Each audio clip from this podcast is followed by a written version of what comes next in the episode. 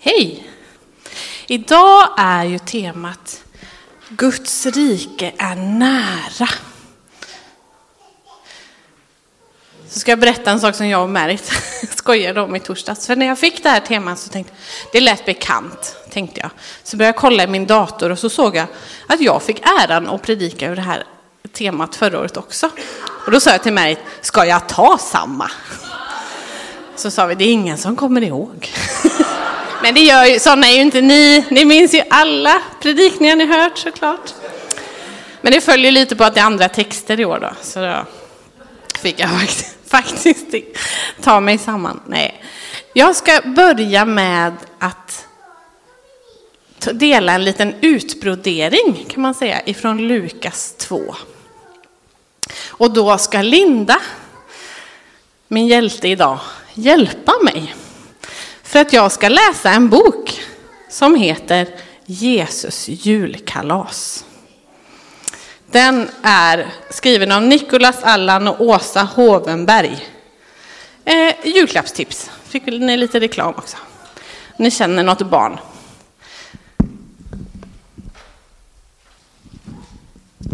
Och vi befinner oss nu i Betlehem. Hos en hårt arbetande egenföretagare. Som nöjd kände att nu får jag äntligen gå och lägga mig. Så nu börjar vi. Är du beredd Linda? Ja, tummen upp, bra. Det fanns inget som gick upp emot en god natts sömn, tyckte värdshusvärden. Men den här natten knackade det på dörren.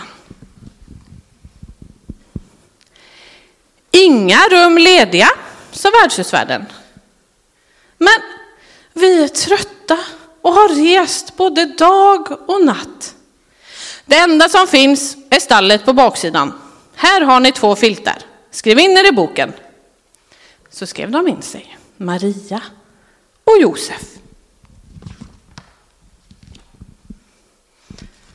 Sedan stängde han dörren, gick upp för trapporna, la sig i sängen och somnade.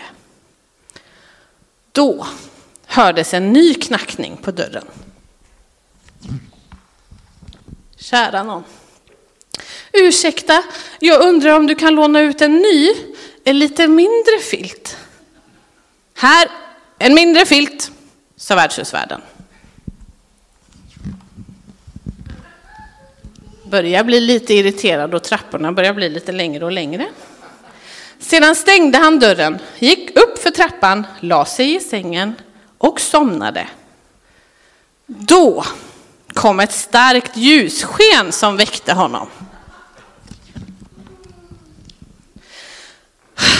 Precis vad jag behövde, muttrade värdshusvärden. Sen stängde han dörren, gick upp för trapporna, drog för gardinerna, la sig i sängen och somnade. Men då knackade det på dörren igen. Vi är tre herdar. Jaha, vad är det med det då? Tappat bort fåren? Vi skulle vilja träffa Maria och Josef. Stallet på baksidan, sa värdshusvärden. Sen stängde han dörren, gick upp för trapporna, la sig i sängen och somnade. Men då knackade det ännu en gång. Vi är tre kungar, vi är här för att på baksidan. Han smällde igen dörren, gick upp för trapporna, la sig i sängen och somnade. Men då blev han väckt av en sångkör. Halleluja! Nu räcker det! Han reste sig ur sängen, stampade ner för trappan, slängde upp dörren, gick med arga steg till baksidan och skulle just säga ett sanningens ord när alla viskade Shh! Du väcker ju barnet. Barnet? undrade värdshusvärden. Ja, ett barn har fötts i natt. Jaha, sa värdshusvärden och tittade argt ner i krubban. Och precis då, i det ögonblicket, var hans ilska som bortblåst. Åh, sa värdshusvärden, är han inte underbar? Värdshusvärden tyckte att barnet var så speciellt att han väckte alla värdshusets gäster och sa att de skulle komma och titta på barnet. Det blev inte så mycket sömn den natten. Slut. Tack Linda.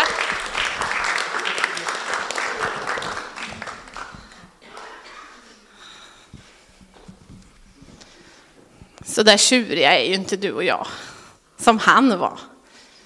Så där irriterade och arga. Men han vände ju på slutet. Är han inte underbar? Ja. Men det kanske i ärlighetens namn är så att ibland, i alla fall inte jag, alltid med på noterna helt från början. När det dimper ner någonting i livet. Kanske som Gud vill använda eller som han har tänkt. Men Gud han vet ju det. Han fattar ju, han känner ju oss och han vet ju hur han ska göra. När vi får stå där och se Jesus, då hamnar vi ju också där. Är han inte underbar? Guds rike är nära och det är ju så fantastiskt. Det här lilla barnet som damp ner kom till den här krubban. Ja, Jesus, precis. Och han är underbar. Och det som är så speciellt är att han var en liten, liten bebis som kom och sen har han blivit jordens kung. Det är ju fantastiskt. Och så är det ju med Guds rike. Det stora i det lilla. Paradoxen kan man säga, det är ett knepigt ord. Men Jesus visar det själv när han pratar om Guds rike. Det lilla, lilla fröet som ska växa upp till ett stort träd. Som inte kan bli ett stort träd, ett sånt litet frö. Men det säger Jesus att det blir. Och i det trädet kan fåglarna komma och bygga bo. Häftigt. Och då tänker jag så här, hur ser det ut kring mig idag? Hur ser det ut kring dig idag? Vad är det som dimper ner hos oss? Vad är det som händer i våra liv? I våra relationer? Hur vill Gud att jag ska göra där? Han vill vara med oss och han vill att vi ska vara tillsammans med honom. Och det kan vi vara när vi ber till honom, att han kan tala till oss och att en liten tanke från Gud kan vara så viktig och helt avgörande för en annan människa. För frälsningen, som vi säger, kom ju till oss genom Jesus. Den kommer till oss, som, som den här berättelsen säger, då kom frälsningen till jorden. Det var då. Och så kommer frälsningen till oss, att vi själva får ta emot Jesus och säga ja Jesus, jag vill vara med dig och ta emot frälsningen idag. Och jorden kommer bli frälst och räddad en dag. Det är Guds rike. Guds rike är nära i allt detta.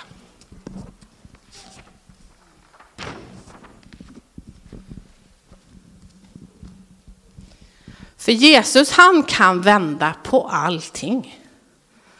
Precis som han kom som ett litet barn och sen så förstod människorna runt omkring Jesus att det här är något häftigt. Det här kommer bli räddningen för Israel. Det här kommer bli räddningen för världen. Jesus, du borde ta makten, du borde bli kung. Nej, säger Jesus, det är på ett annat sätt. Och det händer i era och våra hjärtan först. Precis som det lilla barnet som föddes i en krubba. som sen också blev flykting i ett annat land med sin mamma och pappa. Han kunde inte vara kvar. För det var en elak kung i det landet. Så de var tvungna att ta det lilla de hade, den här lilla familjen, och flytta till ett annat land och vara flyktingar. Att han blev jordens, blev jordens kung. Och Guds rike är nära dig och mig. Och Herren han väver sin väv. Ni vet, har ni sett det på någon vävstol någon gång? Att man kan väva så fantastiska tyger med olika motiv. Karin hon kan väva mattor och grejer. Och sen när det blir färdigt så ser man en helhet som är helt fantastisk. Och Gud har en sån plan, en sån tanke för oss idag. Och vi kan få vara med och hjälpa till i den väven. Det är väl helt otroligt.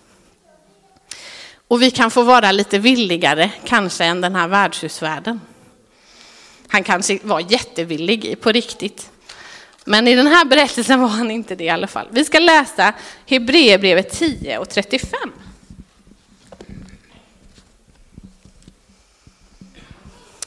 Om det här med att vara villig. Så står det så här. Så kasta inte bort er frimodighet. Den ger stor lön. Ni behöver uthållighet för att göra Guds vilja och få vad han har lovat. För ännu en kort liten tid så kommer han som ska komma och han ska inte dröja. Min rättfärdige ska leva av tro. Men drar han sig undan har min själ ingen glädje i honom. Men vi tillhör inte de som drar sig undan och går förlorade, utan de som tror och vinner sina själar. Han kallar oss till beredvillighet. Det var ett ord som jag lärde mig när jag som växte upp i kyrkan då, tidigt. Det här med beredvillighetens skor. Det ingår i den andliga vapenrustningen. Och då tänkte jag mig de här skorna som väldigt sportiga. Alltid.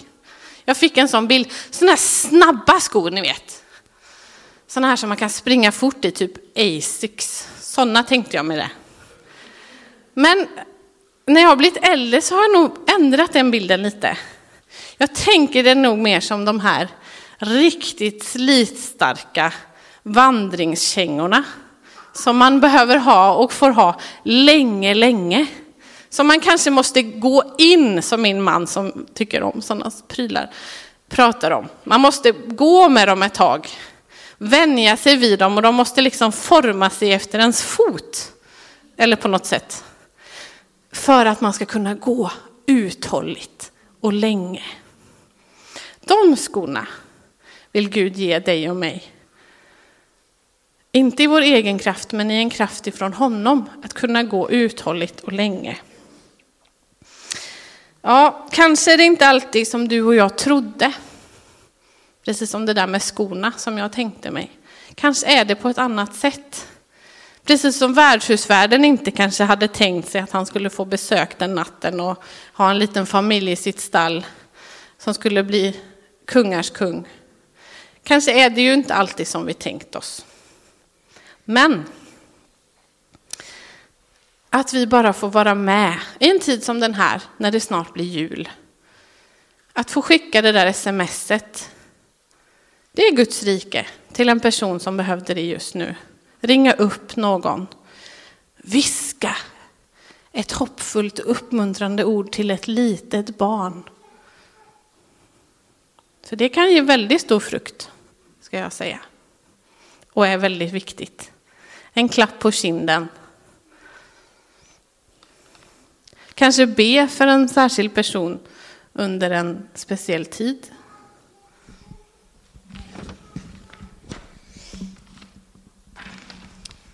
Vi har olika åsikter vi. Vi har ju haft val i höst. Och det är tydligt att Sverige har olika åsikter. Eh, och det kan man ha. Så är det ju. Eh, och vi, kan, vi har olika erfarenheter, olika saker i våra ryggsäckar. Men det finns budskap som går genom hela Bibeln och som är grundläggande i Guds rike. Oavsett vad du har för politisk sida, vad du och jag tänker i olika frågor. Och det är bland annat att ta hand om den fattige, om änkan och om den faderlöse. Det är att förvalta vår jord. Det är principen om ett nådens år. Det är jämlikhet.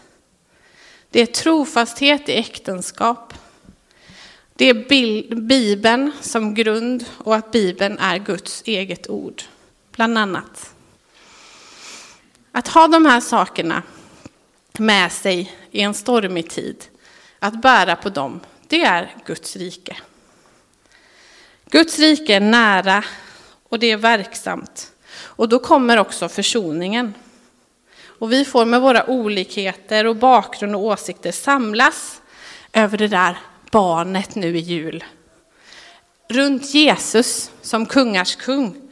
Och så får vi säga tillsammans, men är han inte underbar? Amen. Låt oss tacka Gud. Herre, vi prisar dig. Jesus, du är underbar. Du är underbar i råd. Du är evig. Vi tackar dig för ditt rike. Tack för att vi som dina barn får vara med i ditt rike, Herre. Tack för det som du talar till oss, Herre. Hjälp oss att vara beredvilliga, att vara villiga, att vara beredda, att ta på oss de här kängorna, Herre, och att vandra med dig varje dag, Herre. Och du känner oss så väl och vet hur vi tänker och känner. Att vi inte alltid är med på noterna, Herre, men vi tackar dig för din trofasthet, Herre. Tack för att varje dag, Herre, så ger du oss också nya möjligheter att vara med och väva den här väven tillsammans med dig, Herre. Tack för dig. Tack för det, Herre. Tack Jesus. Halleluja.